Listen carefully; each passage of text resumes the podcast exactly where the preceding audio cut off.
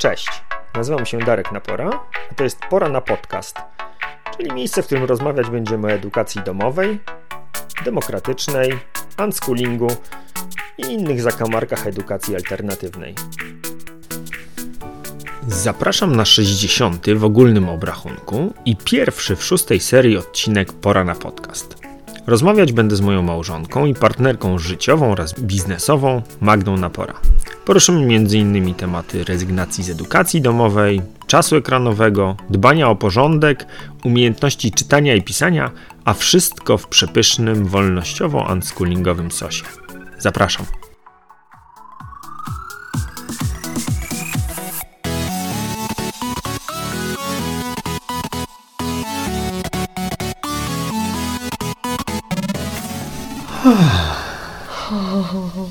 Co u ciebie żywe? Dużo. Jestem w przededniu szkolnej imprezy halloweenowej. Też wczoraj wysyłałam razem z Tobą informacje o zimowisku obozów demokratycznych i bardzo już chcę na to pojechać. Myślę o Twoim urlopie. Przepraszam, ci chodzę słowo. Muszę pamiętać dzisiaj, żeby jeszcze wrzucić posta na Face'a o tym, że zapisy. No w każdym razie myślę o Twoim urlopie i o e, naszej rozłące, o tym jak to będzie, ten, ta miłość rosła w kwadracie odległości i w ogóle jak to będzie cudnie tęskni za Tobą. Mm, I jak obejrzę sobie dużo Netflixa wieczorem, takiego, którego Ty nie chcesz i to jest dla mnie bardzo żywe, bo e, wtedy nie mam w ogóle wyrzutów sumienia, że oglądam jakiś shit. Mm, no dobrze się czuję bardzo. Taki jest teraz, mimo tego mm, trudu światowego, to ja odczuwam teraz przez moment bardzo dobry nastrój lokalny tutaj, związany właśnie z nadchodzącym świętem. Mhm. W sensie świętem, że ten y, długi weekend nam się szykuje, czy prawie że długi tydzień. Tak, tak, tak, długi weekend, bo jakoś te sprawy edukacyjne, które teraz się zadziewają, y, chodzi mi o edukację domową, to ty jesteś w naszej rodzinie mm, aktywistą, działaczem i zajmujesz się tym wszystkim, więc ja automatycznie czuję, że mm, jestem od zupełnie innych zadań domowych i też y, dlatego mam do Ciebie pełne zaufanie i z całą radością, jaką mogę sobie w siebie, y, z siebie wykrzesać, zajmuję się tymi innymi rzeczami. Czujesz się zaopiekowana? Tak, właśnie, o, dokładnie. Czuję się zaopiekowana, yy, odstresowana. Kurczę, ja mam nawet wiarę wszystko, że jak ty gdzieś tam jesteś, to że będzie dobrze. Mm, No. Fajnie było zobaczyć Mariannę też w telewizorze. Mm, No tak, to jest takie mm, miłe uczucie mieć y, świadomość, że widzę działających ludzi, których znam i, i, i też ty mi dajesz dużo poczucia bezpieczeństwa. Strasznie dużo żywości jest. No właśnie, zaraz do pytań nie przejdziemy, bo ja mam już No same właśnie. pytanie do tych, y, do tych twoich y, żywych, y, żywych rzeczy. E, Bo to w sumie jest ciekawy temat i jak teraz o tym powiedziałaś, to w sumie mam trochę ochotę olać te swoje pytania i o to ciebie dopytać. Normalką na związku, wszystko zmieniamy. E, no chodzi mi o to wyjeżdżanie bez siebie, e, że ja to jednak lubię, jak wyjeżdżamy całorodzinnie, a ty mi teraz mówisz, że w sumie to się nawet cieszy, że wyjeżdżamy oddzielnie, że ja wyjeżdżam i że ty zostajesz. Bo widzisz, ja też uwielbiam wyjeżdżać razem i teraz po prostu czuję, że jesteśmy tak zmęczeni i w tym roku tak dużo wzięliśmy na siebie różnych obowiązków, że fakt, że wyjedziemy osobno, to jest taki prezent dla ciebie i dla mnie, że my sobie odpoczniemy w tym czasie, bo ty nie będziesz miał poczucia odpowiedzialności za nas, jak jesteśmy z tobą, a zwykle starasz się jeszcze nami zająć. Ja, jak zostanę sama w domu, to wiem również, że na pewno dzieci będą mieć bogate życie towarzyskie, bo, bo mają niestety bogatsze niż rodzice, więc też będę prawda e, akurat. bardzo odciążona, bo ich po prostu nie będzie w domu. Mm, więc myślę, że po prostu to jest taki ukłon w naszą stronę, w Twoją, w moją, że dechniemy trochę przez te kilka dni i potem powrócimy do siebie w dużej świeżości, relaksie i miłości. Hmm. Hmm. Co to ma być, kurde? Hmm. Nie no, bo e, jak sobie myślę o tym ich e, życiu towarzyskim i o tym naszym non-existent O. życiu towarzyskim e, i w ogóle życiu poza byciem rodzicem i pracą, mam wrażenie, przez ostatnich parę miesięcy, to no, samo mi się nasuwa pytanie o, o, to, o to, jakie masz refleksje, bo to takie zmiany u nas, ale też myślę, że zmiany, które się u innych osób pojawiają mm, w różnych momentach ich doświadczeń edukacyjno-domowych, to znaczy fakt, że dzieciaki odeszły, mm, czy może nie odeszły, dobra, wróć, nie odeszły, a mm, podjęły decyzję autonomiczną, że chcą sprawdzić, jak to im e, będzie w szkole. I to jeszcze w takiej szkole, szkole, że no, formalnie są wciąż w edukacji domowej, ale chodzą tam codziennie, e, są obowiązkowe zajęcia, więc zupełnie jakby nowa jakość. I e, ciekaw jestem, jak ty się z tym masz w perspektywie tego, że szczególnie, że im się tam po prostu na maksa podoba. I, I przez te 5 lat poprzednich, y, które spędzili albo w szkołach demokratycznych, albo w ogóle w takiej e, edukacji domowej na pełen regulator, to, e, no to można by sobie na przykład pomyśleć, że czegoś żałujesz, że czy mo, może powinniśmy żałować, że od razu nie poszli do szkoły, może by im tam było lepiej. Nie wiem, czy Ci się to często zdarza, ale ja w ogóle nie rozumiem Twojego pytania. Dobrze. Moje pytanie polega na tym. Teraz dzieci są w szkole, a wcześniej nie były w szkole. I teraz mam wrażenie, że ten czas bardzo im służy. I to zarówno na takim poziomie ich deklaracji, jak i na poziomie tego, co ja widzę, obserwuję w ich zachowaniu. I czy masz jakieś wątpliwości, czy jakieś refleksje post factum na temat tego, czy może nie lepiej by było, gdyby w ogóle tych szkół wolnościowych i jakiej edukacji domowej na pełen regulator nie doświadczali? O rany, ale tutaj wszystko żeś, kurde, połączył. No, rany. No nie byli w szkole i było trudno. Są w szkole, jest łatwo. Im, nam, Nie jest łatwo. Myślę, że teraz to, że są w tym miejscu, w którym są, bo pewno też to nie chodzi o dowolną szkołę, tylko po prostu mm, szkoła, która teraz się nimi opiekuje, daje im bardzo duże wsparcie, mm, poczucie własnej wartości wspomaga i tak jak ty mi dajesz poczucie bezpieczeństwa w, w domu, mm, to tam mam takie, mm, dostaję poczucie bezpieczeństwa, że moje dzieci są zaopiekowane, ale myślę, że mi jest trudno w pewien sposób, dlatego że ten obowiązek szkolny, to bycie mm, od rana do, do późna, bo do 16 w szkole, jest wymagający i do tej pory, kiedy dzieci mogły chodzić albo nie chodzić, tudzież nie chciały, dla nich mm, propozycja zostania w domu była zawsze bardzo kusząca i często z tego korzystały. Teraz, gdy ja czasami rzucę, by zostać w domu i sobie odpocząć, bo widzę, że dzieci są zmęczone, a oni mówią, że nie, że oni koniecznie muszą pójść do szkoły, no to to jest y, rzeczywiście mm, nietypowe i, i, i czasami ja już podpieram się nosem, chętnie bym sobie zrobiła wolne, a oni cisną, że, że, że potrzebują pójść do szkoły. Mm, To, to myślę, że jest taki trud, ale mm, kurczę, to można by było dużo, dużo mówić, no plusy, minusy. Wiesz co, no ja na przykład mam tak, że y, na maksa czuję to, co ty powiedziałaś, takie to wsparcie i widzę, że to jest jakby autentyczne wsparcie, no nie, że tam są po prostu mega kompetentne osoby i rzeczywiście to nie jest tak, że to w każdym miejscu tak by było. E, Więc e, wielki, wielki ukłon e, w stronę Karoliny szczególnie, która jest psycholożką w, w szkole i, i na, maksa, na maksa wspiera dzieciaki i ja to widzę, ale też y, po prostu wszystkie, wszystkie osoby, z którymi oni mają kontakt, mm, im dają mega wartość. Ale, ale z drugiej strony mam tak, że kurczę, no mnie dojeżdżają na maksa te poranne pobudki o, o 7 rano. Ja mam tak ustawiony zegarek, że najlepiej mi jest, jak kładę się koło 12 pierwszej i budzę się koło 8 9. I teraz wstawanie codziennie o tej kurna 7 rano, żeby było jasne, Magda, bierzesz na siebie większość tego ciężaru, bo ty musisz tam być codziennie rano.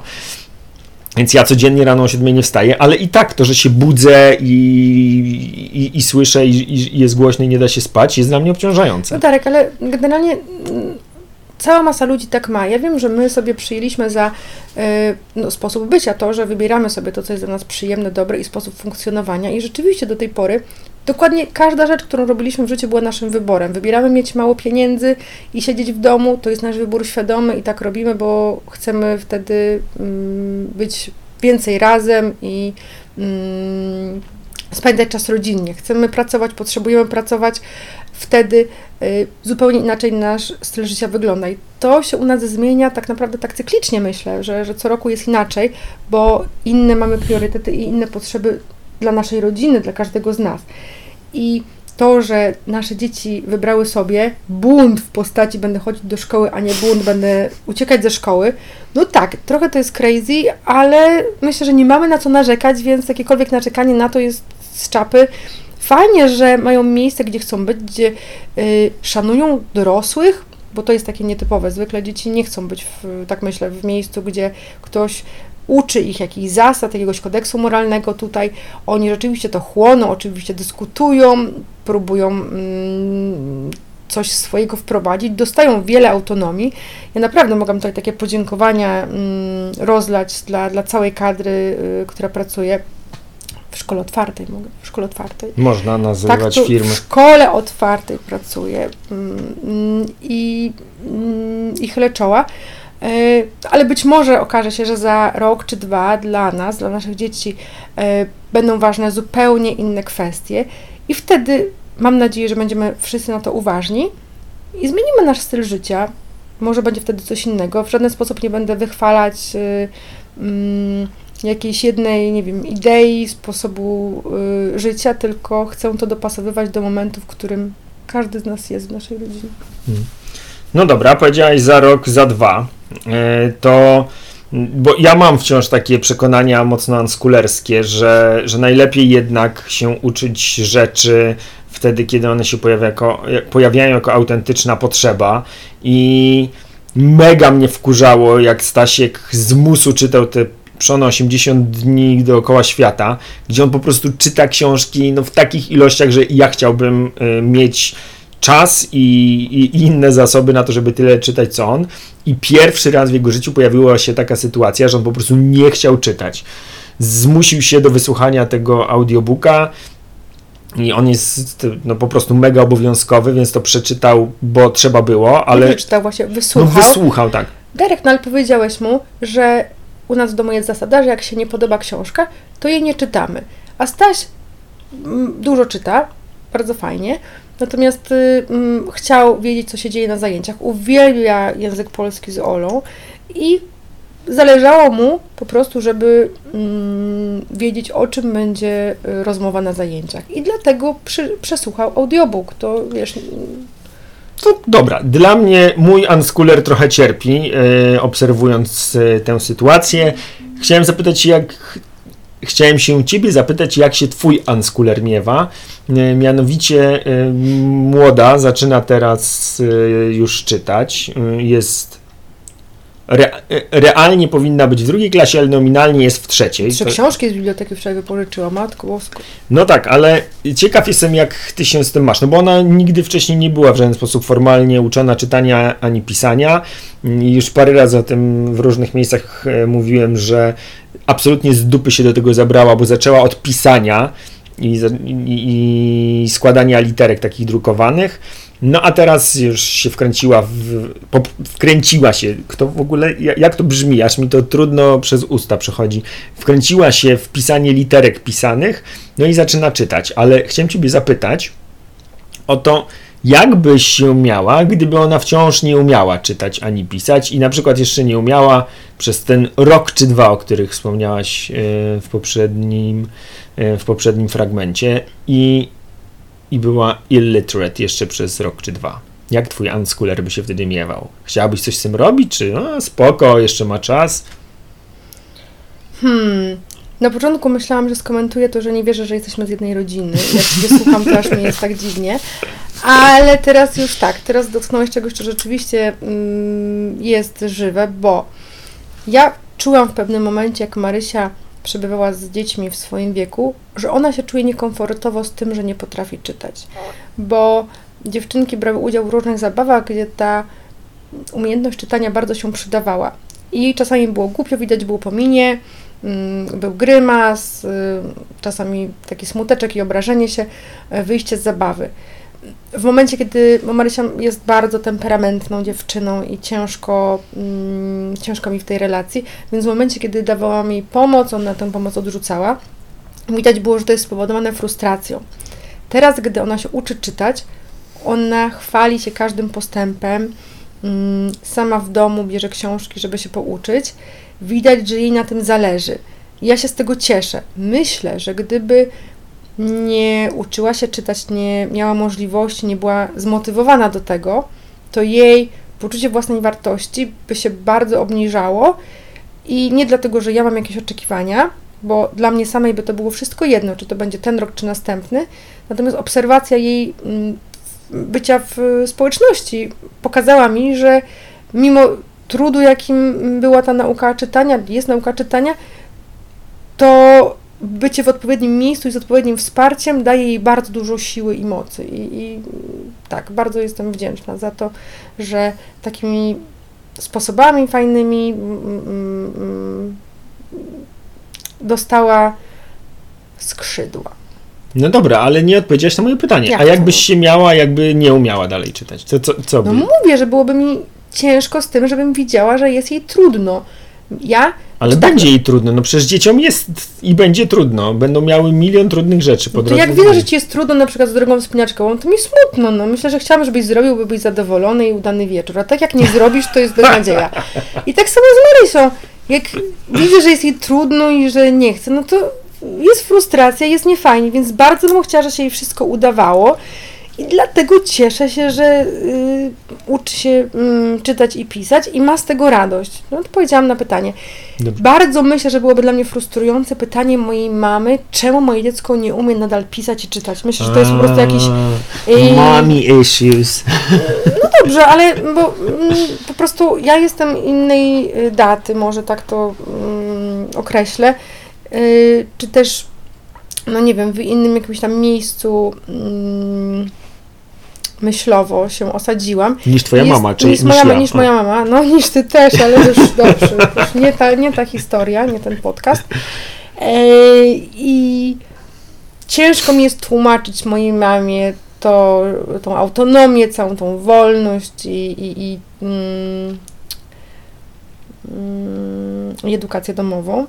Więc podejrzewam, że gdyby Marysia w jakiś sposób y, była do tyłu w różnych dziedzinach i co chwila bym słyszała od mojej mamy, to po prostu byśmy musieli ograniczyć te kontakty. Mhm. No dobra, ale ja wciąż trzymałbym się myśli takiej, że y, frustracja w naszym rodzicielskim i w naszych dzieci życiu się pojawiać będzie nieustannie. I Wiem skąd inąd obser z obserwacji towarzyszącej i bycia razem, e, że takim trochę frustrującym momentem mam wrażenie znowu stały się, e, stała się kwestia ekranów. Mm, kiedyś mieliśmy tak, że dzieciaki mogły korzystać bez ograniczeń e, z telefonów, konsoli, komputera, po prostu ile chciały, tyle używały.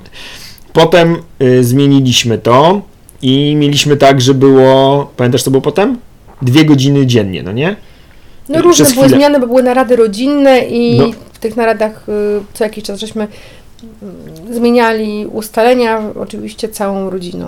No tak, ale ja jakby chcę opowiedzieć o tym, bo myślę, że to było istotne, no nie, że były te narady, ale też to, to nie było tak, że to było takie, że zmieniamy, tylko pojawiła się taka sytuacja, że to z naszej strony te dwie godziny żeśmy y, chcieli zmienić, bo dzieciaki były w tym w sumie spoko, w tym w sumie spoko, tylko że te dwie godziny to była po prostu taka nieustające targi i walka, ile trwają te dwie godziny, no nie, że tutaj, nie, ja tutaj byłem tylko 13 minut, ja tutaj byłem tylko 6,5, a nie 7 i, i, i takimi byliśmy, nie wiem, miałem wrażenie cerberami tego, ile to trwało. Tak, bo to chodziło o to, że oni nie robili tego Na za jednym podejściu, hmm. za jednym podejściem, tylko e, były przerwy i tak trudno było wyliczyć, kiedy wracają z powrotem do grania hmm. i mhm. dokładnie ile to trwało. To no było właśnie. bardzo trudne. No. Więc potem żeśmy długo gadali, to była pamiętam taka z pół dnia chyba ta rozmowa trwała. Mm, taki krąg po prostu e, rodzinny na, na, na pełen regulator. Niemal jak wczorajsza e, komisja e, sejmowa. i ustaliliśmy, że będą korzystać z ekranów co drugi dzień, ale bez ograniczeń, że mogą jechać ile chcą, tylko że tam no, w określonych godzinach, że w sensie nie w nocy. Mm, I no i teraz ja mam wrażenie, że znowu trochę się wyczerpuje ta, yy, ta zasada, bo po, po prostu zaczynają, szczególnie Stasik, zaczyna inaczej korzystać z telefonu, bo już ma teraz znajomych, ma Messengera, którego używa do kontaktu z nami, słucha z telefonu muzyki yy, i, i też zastanawiam się, jak się z tym yy, miewasz jako unschoolerka. Co masz ochotę teraz z tym, z tym zrobić? Czy y, znowu zasiądziemy do stołu i będziemy szukać wspólnych rozwiązań, czy, czy w ogóle to odpuszczamy? Co, Czy co ci w ogóle ja nie pojawia? sądzę, żebym ja była unschoolerką. A, Y, ja generalnie jest mi wszystko jedno, czy ja będę mm, wspierać jakąś ideę, nie chcę tego nazywać. Ja potrzebuję robić rzeczy dobre i czuję dobro, widzę dobro, widzę sens i w tym jestem. I skupiam się głównie na mojej rodzinie, w dalszej części na naszych y, mm, rodzinach w szkole językowej i na naszych obozach i w miejscach, w których pracuję, bo mm, pracuję, współpracujemy również z innymi szkołami. Ale yy, pytasz o ekran. Same dzieci widzą to, że teraz jest inaczej i że mm, chciałyby, wspomniały ostatnio, że chciałyby porozmawiać o używaniu telefonu, bo są dni, w które przypada im to granie czy oglądanie, a nie mogą sobie na to pozwolić, bo mają treningi albo jest jakaś wycieczka.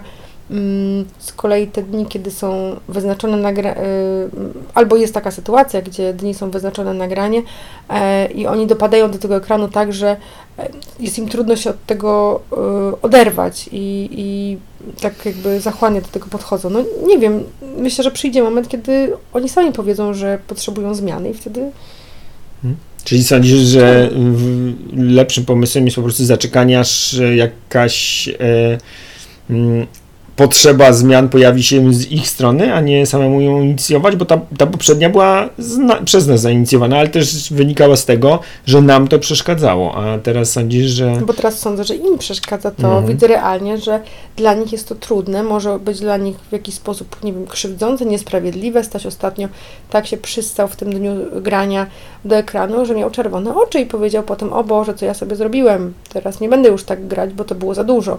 Więc oni sami mm, są bardzo uważni. Myślę, że dzięki tej wolności, którą im daliśmy, mm, i zachęceniu ich do obserwowania, co się dzieje z nimi, co się dzieje wokół nich, oni my, umieją myśleć krytycznie, wyciągać wnioski. To zachęca ich do podejmowania różnych rozmów, mm, do negocjowania. Tak, myślę, że oni przyjdą do nas niebawem. Ja nie potrzebuję wcześniej. Okej.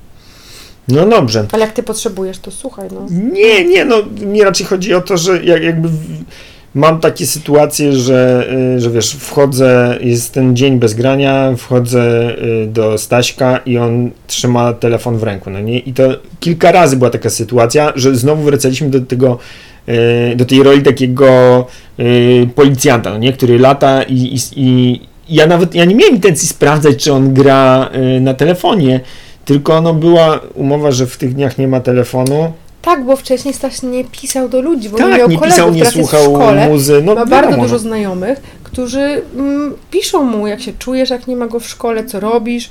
I on mm, jest bardzo podbudowany tym, chce odpisywać, więc ja też nie czuję, że to jest y, zło, że on jest w interakcji na telefonie z y, swoimi kolegami i koleżankami, bo już się pojawiły nawet koleżanki, więc w ogóle wow. Mm, ale Tak, stajemy się rodzicami nastolatka. Mm, Dlatego, wiesz, no teraz po prostu telefon ma inną rolę, bo wcześniej był tylko do grania, a teraz telefon służy do dzwonienia do ludzi i do pisania do nich. No więc dlatego mówię, że ta poprzednia formuła się nam wyczerpuje i że to jest też takie fajne doświadczenie, które e, myślę, że inni rodzice mogliby sobie oswoić w głowie, że, że to, że oni wymyślają jakieś e, zasady, to żeby szczególnie jeżeli je wymyślają, no nie? bo u nas jest to o, o tyle inaczej, że my je jednak konsultujemy i one od początku są jak jakimś rozwiązaniem, które nam się sprawdza na tu i teraz i kończąc każde to spotkanie ustalamy, że jak przestanie działać, to będziemy wracać do siebie i to zmieniać. Ale raczej zmierzam do tego, że w wielu rodzinach jest tak, że to rodzice narzucają jakieś rozwiązanie i jakby ta świadomość, że ono jest tymczasowe i tak naprawdę prawdopodobnie będzie e, obowiązywało krócej niż się wszystkim wydaje, jest warto sobie jakoś tam w głowie za, zanotować. Tak, ale dzisiaj nawet rozmawiałam o tym u nas na stołówce, że y, Staś jest y, y, w spektrum i u nas te rzeczy, które sobie z nim przegadujemy, działają inaczej niż jak jest dziecko neurotypowe, bo mm, dla Stasia właśnie ze względu na bycie w spektrum zasady są niemalże święte. Więc Staś jak się umówi na coś, to bardzo jest nam mm, łatwo, czy stosunkowo łatwo, no tak, tutaj to jest subiektywne, to y, egzekwować, respektować. Mamy młodszą córkę, która widzi mm, ten schemat i wchodzi w to, bo to jest dla niej wzorzec, więc mm, ona mimo tego, że jest y, mega temperamentną kobietą, to mm, mając y, ten model, naśladuje. I stąd myślę, że u nas to, co wprowadzamy, te, te narady, te negocjacje, które w sumie prowadzą potem do ustalenia czegoś, co nam żre, coś, co zasad właśnie jakiegoś regulaminu domowego, niespisanego, broń Boże, tylko to są naprawdę kilka punktów, które są dla nas takim wyznacznikiem tego, co można, czego nie można, mm, to po prostu to działa, tak, bo, bo to opiera się na Stasiu i na tym, że on to robi. E, no dobrze, e, być może jest to. No, dobrze, może tak. E, każde dziecko jest inne i wiadomo, że to, co działa i to, co się sprawdza i to, co służy w jednej rodzinie, zupełnie nie musi działać, się sprawdzać i służyć w innych rodzinach. To jakby jest. Mm, jak, no jak, jakiś stały punkt, który staram się podczas każdej rozmowy zaznaczać, że to są nasze rzeczy, czy to są jakieś e, mm, rozwiązania, które sprawdzają się u e, moich gości, to nie znaczy, że w każdej innej rodzinie będzie to działało mm, tak samo. E, dobra, mam jeszcze jeden temat, który ostatnio jakoś jest u mnie żywy, bo, bo widzę, że, że on zarówno się w naszych interakcjach pojawia, ale też w placówkach tych wolnościowych, w których pracujemy, jest to jakaś jakaś ważna część. Chodzi mi o porządek.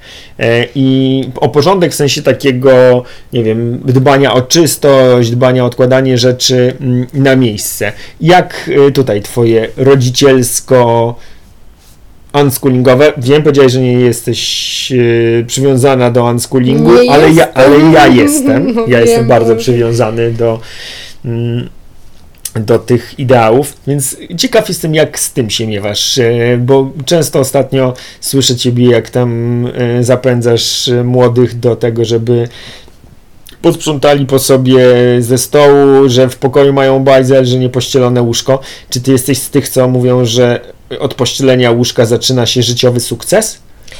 Nie. I właśnie ostatnio y, y, usłyszałam jakieś ploty, w tej szkole, w której pracuję, że jest postrzegana za bardzo taką wolnościową osobę, y, która jest takim lekko duchem.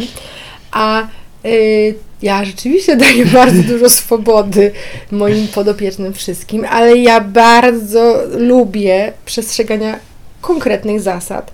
I rzeczywiście zadbanie o siebie, przestrzeń tą, która jest naokoło mnie, mm, o moich bliskich, szacunek. No, tak, swoją relację z uczniami, obozowiczami, ludźmi opieram na e, ważnych dla mnie wartościach i staram się to przekazać moim dzieciom. Bardzo bym chciała, żeby wiedziały, e, że będzie im łatwiej, jeżeli ogarną mm, te kilka metrów wokoło siebie, to wpłynie pozytywnie na ich umiejętność znajdowania rzeczy, pakowania, sprzątania, uczenia się odpoczywania, no po prostu wszystko. I ja im to tłumaczę, powtarzam bardzo cierpliwie. Myślę, że nie, nie jestem despotyczna. Myślę, że to bardzo procentuje. Wiem, że jak y, mm, odwiedzają nas znajomi i patrzą się na mm, przestrzeń wokół nas, mimo tego, że gościmy tabun y, dzieci co tydzień, czy w ogóle co drugi dzień, to, yy, to widać, że tutaj rzeczywiście dzieciaki dbają o tą przestrzeń i ja prostu powtarzam i, i jestem w tym wytrwała. Nie wiem. To... Ale bo to tobie na tym zależy. Tak, mi zależy, ale mi zależy dlatego, że właśnie ja bym chciała nauczyć ich y, dbania o tą przestrzeń. Mi zależy, bo ja, y, mając tyle rzeczy na głowie, mm, jeżeli bym potrzebowała działać szybko i ktoś mi powie, że mam teraz coś odnaleźć na dysku, wysłać teraz grafik, zadzwonić do danej osoby, sprawdzić miejsce na kursie, to ja mając bałagan mm, w pokoju, nie dam rady tego zrobić, bo nie będę mogła odnaleźć rzeczy. Więc mm, potrzebuję tego jakiegoś standardu, żeby wokoło siebie, aby funkcjonować. I widzę, że to również jest przydatne dzieciom. Widzę, jak Staś się szykuje na piłkę, jak o ileż łatwiej mu jest w momencie, kiedy wie skąd wziąć ubrania, jak Marysia pakuje się do szkoły i po prostu w 10 minut po obudzeniu jest gotowa do wyjścia, dlatego że dokładnie wie, gdzie, co ma. Mm, więc to przypominanie, które nie jest takim popędzaniem, tylko po prostu uświadamianie ich, że warto zadbać o to, co jest w pokoju, to, co jest w domu. No, nie wiem, chyba jest przez nich w sumie zrozumiane i działa po prostu.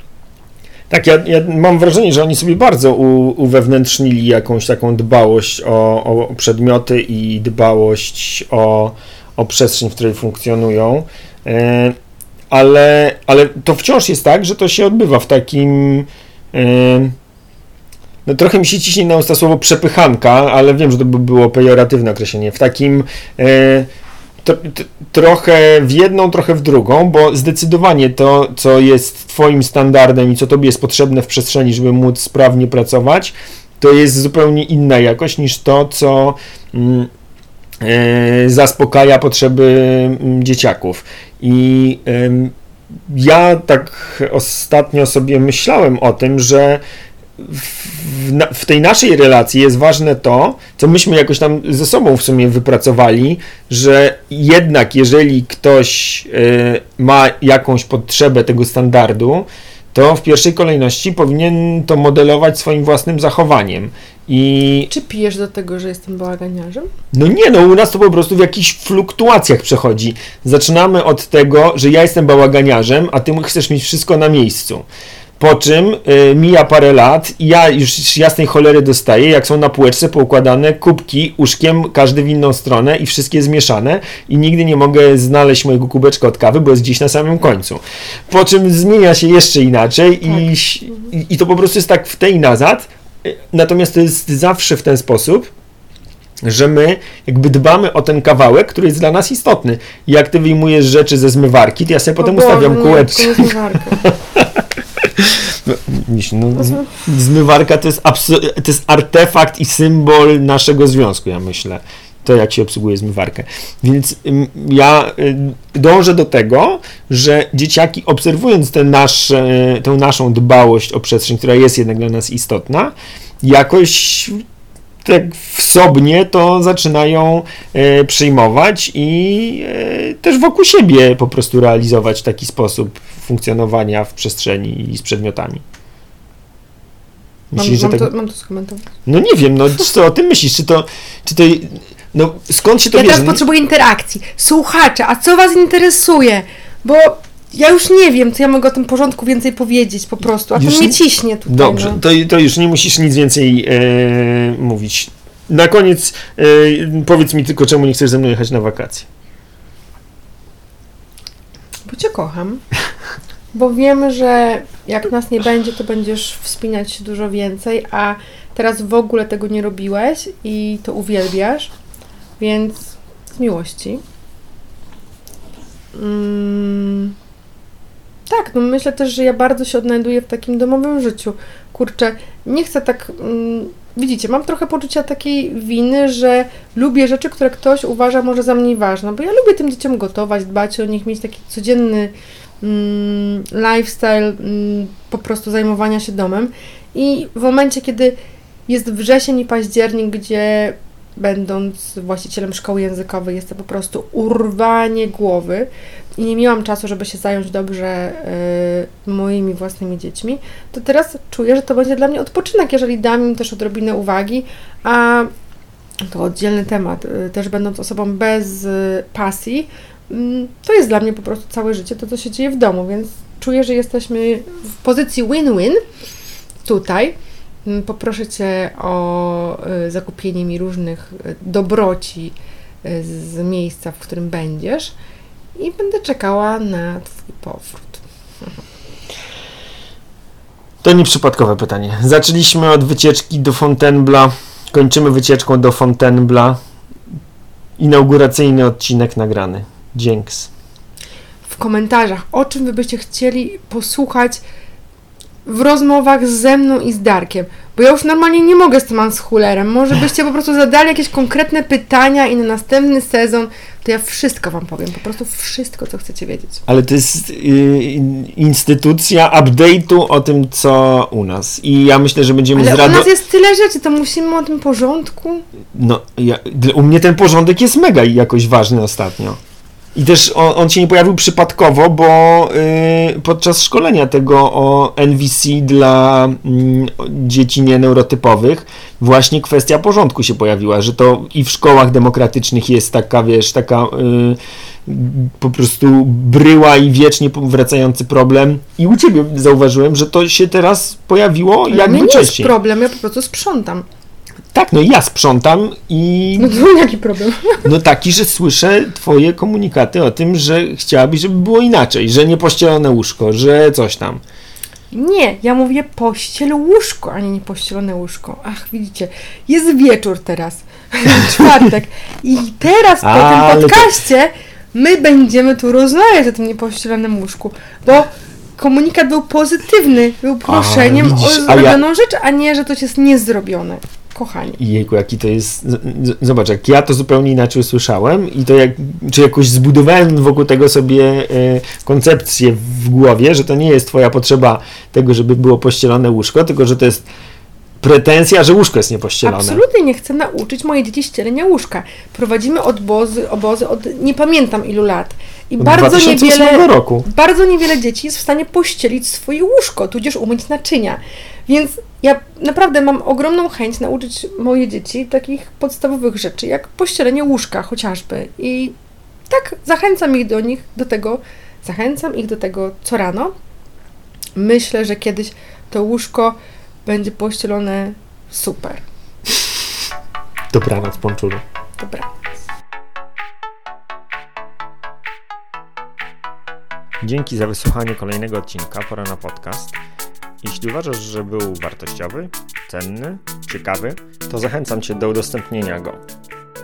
Jeśli masz jakieś pytania, wątpliwości dotyczące edukacji domowej albo któregoś z tematów, który poruszaliśmy w odcinku, to zapraszam Cię do kontaktu. Mój adres znajdziesz w opisie tego odcinka.